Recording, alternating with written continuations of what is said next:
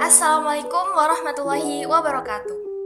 Halo dulur semua, selamat datang di podcast Himpunan Mahasiswa Jurusan Sejarah Peradaban Islam episode pertama.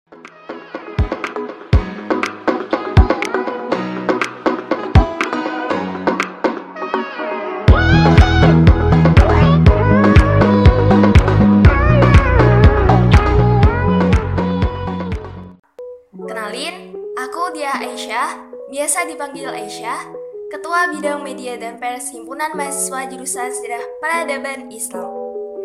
Di episode kali ini, kita bakal bahas bisa kuliah dan berorganisasi privilege.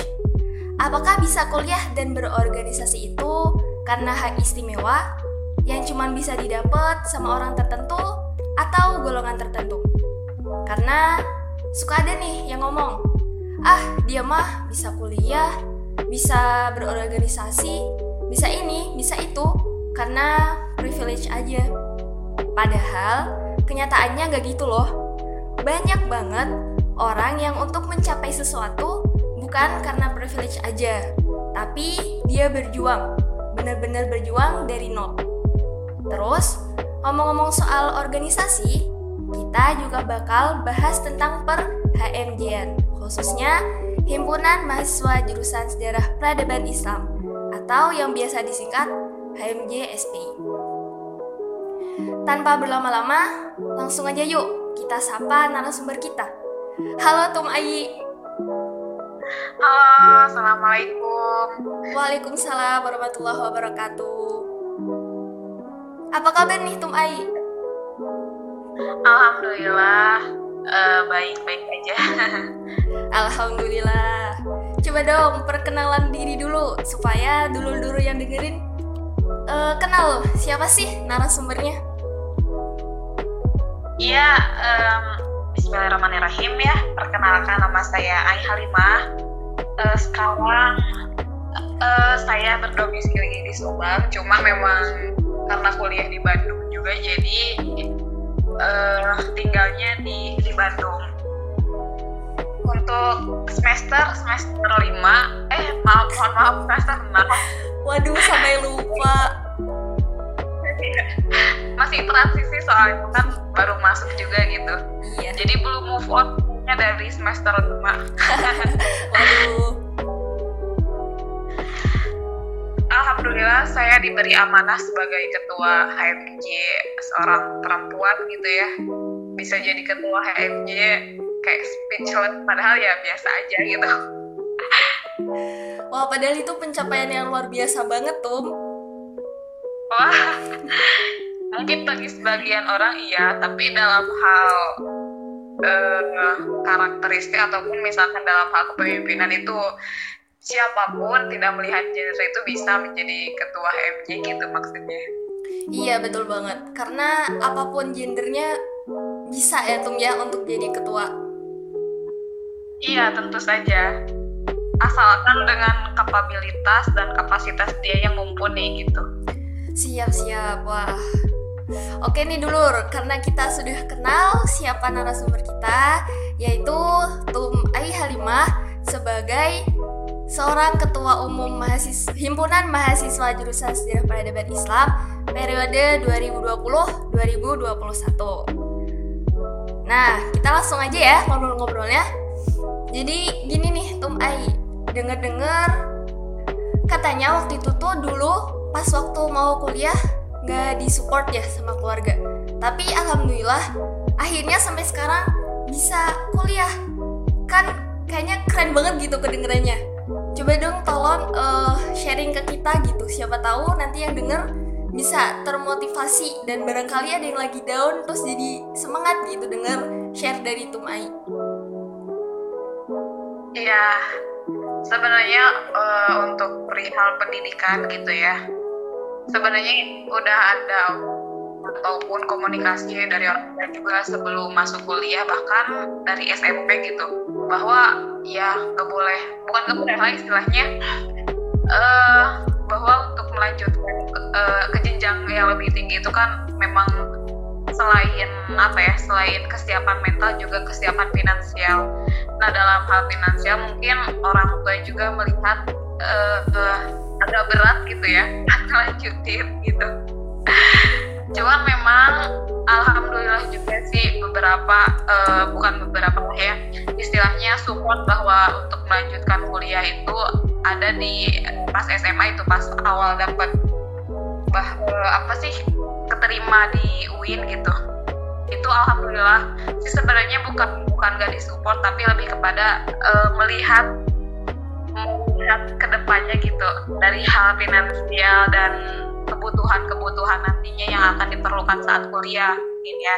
Cuman alhamdulillah waktu itu pernah dapat dapat supportnya lebih dari sekolah gitu.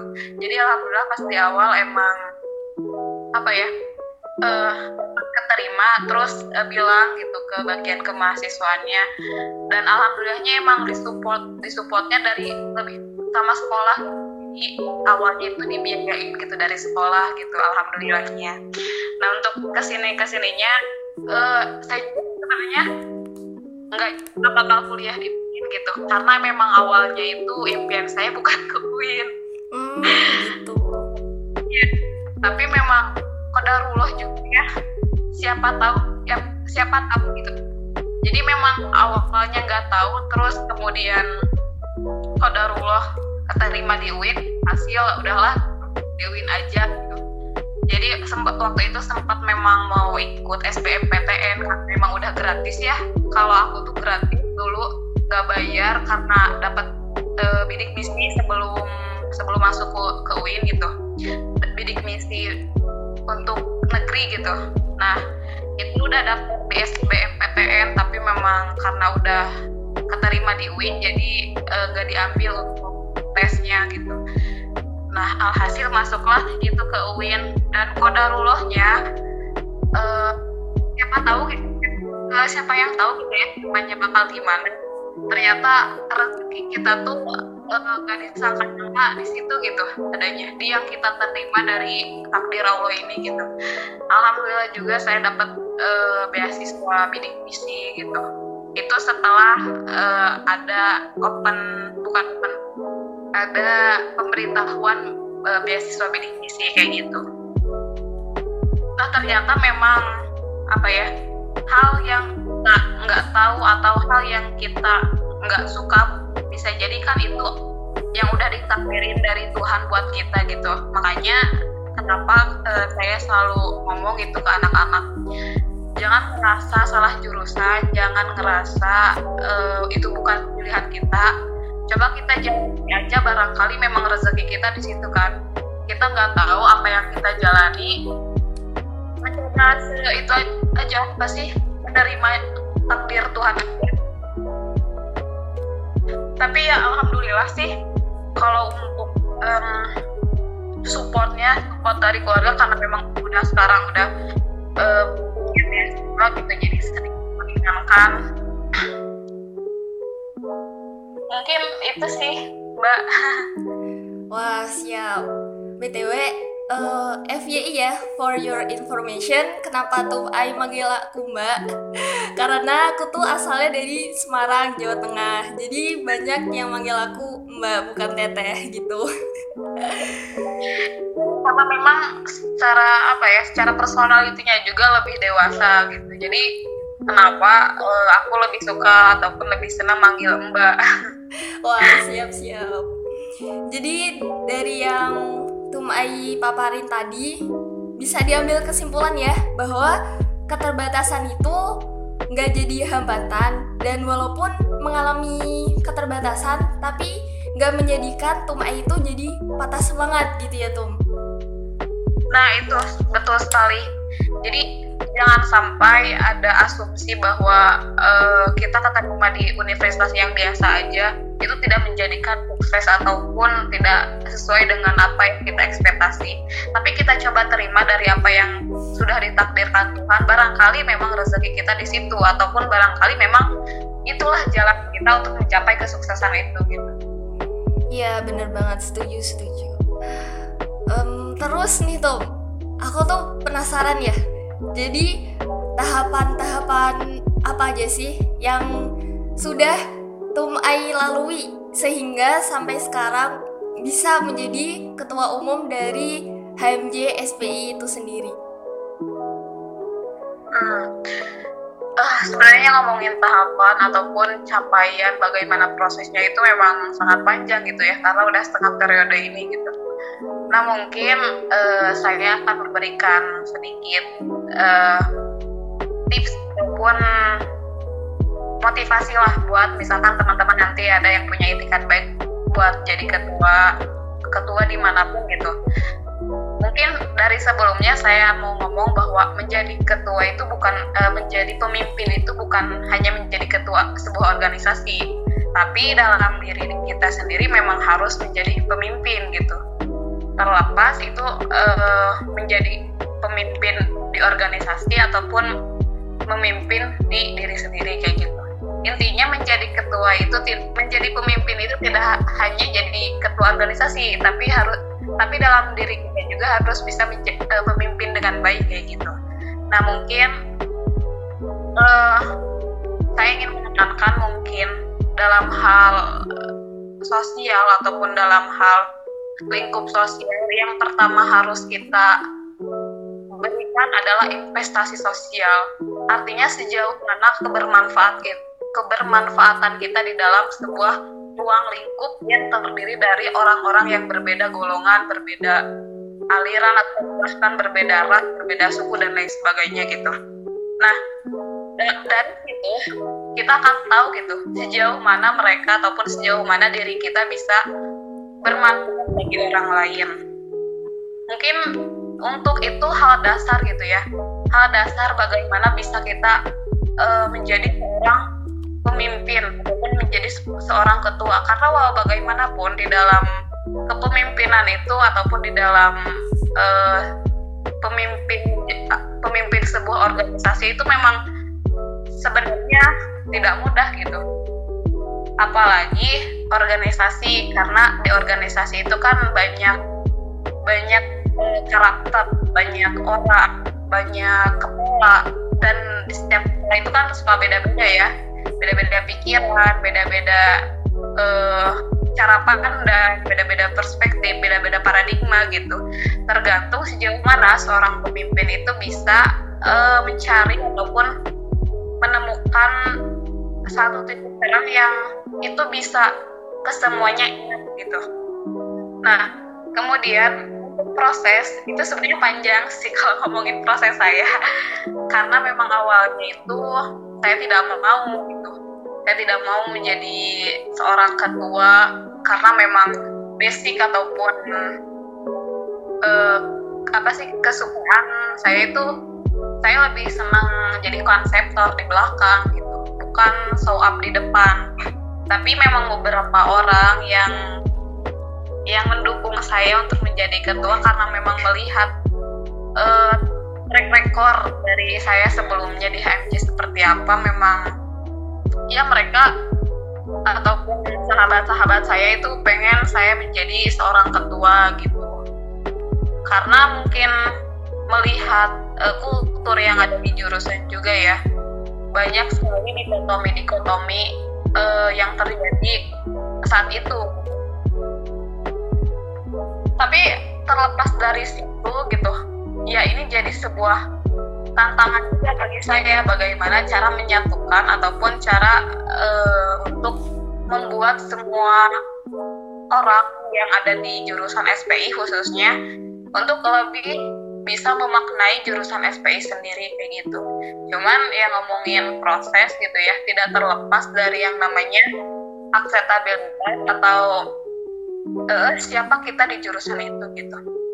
Karena memang menjadi seorang ketua itu harus punya gagasan representatif gitu dari kepengurusan sebelumnya minimal seperti itu. Dan kalaupun misalkan ngomongin menjadi ketua itu kan ada tahapan-tahapan yang secara regulasi gitu ya, yang sudah ditentukan oleh Persema misalkan ataupun KPU dan Bawaslu yang sudah ditetapkan seperti itu. Dan ini uh, ada beberapa tahap yang memang harus dilalui secara formal ataupun secara prosedural gitu. Cuman ya tadi balik lagi sejauh mana kita bisa masuk ke dalam leading-leading sektor ataupun masuk ke dalam lingkaran atau circle yang ada di jurusan gitu atau yang ada di yang ada di fakultas itu sendiri. Nah bagi saya memang sebenarnya lebih tahu dulu sih, uh, lebih bisa menganalisis dulu minimalnya seperti apa kultur di jurusan ataupun seperti apa orang-orang yang ada di jurusan di jurusan. Terus mic-nya atau circle-nya anak-anak itu seperti apa. Nah itu mungkin jadi bahan pembelajaran juga ataupun jadi bahan acuan juga ke depannya buat nanti siapa pun yang akan menjadi ketua. Kayak gitu mungkin mbak. Oke siap-siap. Dari apa yang Tumai sampaikan tadi itu ada yang menarik banget nih pemimpin bukan hanya di organisasi tapi kita juga sudah menjadi pemimpin bagi diri kita sendiri. Nah, terus kalau misalkan mau jadi pemimpin gitu Tom dari sebuah organisasi, apakah kita itu juga harus mengikuti organisasi-organisasi terlebih dahulu, kemudian mencari relasi terlebih dahulu, atau seperti apa gitu? Mungkin bisa dijelasin tuh. Oh iya, kalau untuk itu sih sebenarnya uh, apa ya? Jadi kan memang tipikal untuk menjadi ketua itu kan ada beberapa ya. Nah itu tergantung dari analisis dia uh, seperti apa juga gitu. Nah uh, jadi untuk menjadi pemimpin ketua organisasi gitu ya memang seharusnya secara kapabilitas dan kapasitasnya dia yang sudah menekuni di sebuah organisasi juga gitu. Supaya dia juga tahu bagaimana uh, koordinasi dan komunikasinya seperti apa terhadap anggota seperti apa terhadap uh, ketua bidang seperti apa. Secara hierarkinya memang uh, seharusnya dia punya ya tadi gagasan representatif gitu. Jadi kalau misalkan kita nih kita nggak tahu apa-apa nggak tahu organisasi seperti apa terus jadi mau jadi ketua gitu. Nah itu kan uh, salah satu bentuk ya gitu dalam hal pengalaman gitu ya minimalnya. Kalau misalkan kita jadi ketua ya kita harus ikut dulu organisasi itu. Misalkan saya pengen jadi ketua organisasi HMJ nah minimalnya punya pengalaman dulu di HMJ itu seperti apa gitu. Nah kan itu punya gambaran ke depannya itu seperti apa dan harus seperti apa apa yang dia harus dievaluasi apa yang harus diperbaiki apa yang harus dibuang. Karena walau bagaimanapun menjadi ketua itu ya memang apa ya bukan sebuah tugas yang mudah gitu. Apalagi dalam organisasi kan tadi di mana banyak orang banyak kepala banyak gagasan, gak banyak ide gitu. Yang memang harus kita tampung banyak kepentingan-kepentingan, harus bisa mengadvokasi, harus bisa memprovokator, ya gitu maksudnya dalam hal ini kepemimpinan itu ya penting juga gitu. Menjadi seorang ketua kita harus tahu gitu kapasitas dan kapabilitas seseorang itu gitu untuk menjadi ketua. Apakah layak ataupun tidak nah itu mungkin uh, dalam apa ya dalam teknik berorganisasi juga kan uh, ada gitu. Misalkan kita menganalisis orang itu bisa tidak untuk mengadakan kerjasama atau hubungannya kepada orang itu seperti apa gitu kan. Terus dia juga bisa nggak sih menimbulkan rasa kebersamaan dan persatuan? Nah dia juga bisa sih mendorong orang untuk berpartisipasi dalam kegiatannya nah itu pertimbangan-pertimbangan yang memang setiap orang itu harus bisa menganalisis si calon ketua ini. Kayak gitu. Apalagi kan banyak uh, aliansi-aliansi atau kubu-kubu. Nah itu bagaimana setelah dia menjadi ketua gitu. Nah itu sih banyak sih yang pertimbangan-pertimbangan ataupun hal-hal yang memang ketika dia ingin menjadi seorang ketua. Jadi jangan jangan asal asal aku pengen jadi ketua nih tapi dia nggak ada usaha dia nggak bisa analisis itu agak sulit juga mungkin ya hmm, berarti bisa dibilang tuh kalau misalkan pengen jadi ketua dari sebuah organisasi, kita harus ada pengalaman organisasi terlebih dahulu. Terus kita juga punya kemampuan untuk membaca karakter atau situasi gitu ya, Tum. Iya, bisa jadi kurang lebih seperti itulah. Dan harus bisa memahami peraturan sih. Harus bisa kan kalau misalkan di organisasi di organisasi itu ada yang disebut dengan anggaran dasar, ada yang disebut dengan anggaran rumah tangga, ada yang disebut dengan peraturan organisasi. Nah itu uh, itu pun harus bisa dipahami oleh seorang ketua kayak gitu. Oke siap. Terus tuh kan Tum ini sebagai ketua umum HMJ SPI. Nah, barangkali ada yang belum terlalu mengerti nih mengenai HMJ SPI itu sendiri. Misalkan ada bidang apa aja sih di dalamnya atau apa aja sih kegiatan HMJ SPI itu sendiri? Uh, ya, sebenarnya untuk uh, karena kita, jadi kan di kampus itu ada yang disebut dengan organisasi intra, ada yang disebut organisasi ekstra gitu. Nah, HMJ SPI itu masuknya di mana sih gitu kan? Jadi HMJSP itu masuk ke dalam organisasi intrakampus, artinya di bawah lembaga kampus gitu. Nah ini tentu saja HMJ eh, ini sebagai uh, sebagai eksekutif gitu, sebagai badan eksekutif atau lembaga eksekutif lah. Karena karena dalam uh, secara hierarki kita punya lembaga legislatif yakni senat universitas gitu atau senat mahasiswa fakultas adab dan humaniora. Kalau di HMJSPI ya kalau di kalau di fakultas adab dan humaniora kita ini berpacu atau ber, uh, mengacu kepada peraturan senat mahasiswa fakultas adab dan humaniora. Nah di situ di persema di persema ada uh, itu sudah diatur gitu secara perundang-undangannya bahwa uh, ya bahwa dalam bidang struktur organisasi Ormawa Intra Kampus khususnya HMJ itu di, di ada itu ada lima bidang. Yang pertama ada PAO, yang kedua eh, pengetahuan dan intelektual, nalar dan intelektual, pendidikan dan intelektual, maaf, pendidikan dan intelektual, kemudian media dan pers, seni dan olahraga, kemudian uh, data dan sosial jaringan. Nah kalau di HMJP sendiri data dan sosial jaringan itu bukan dasosjar tapi KP2M cuman tupoksinya sama aja gitu.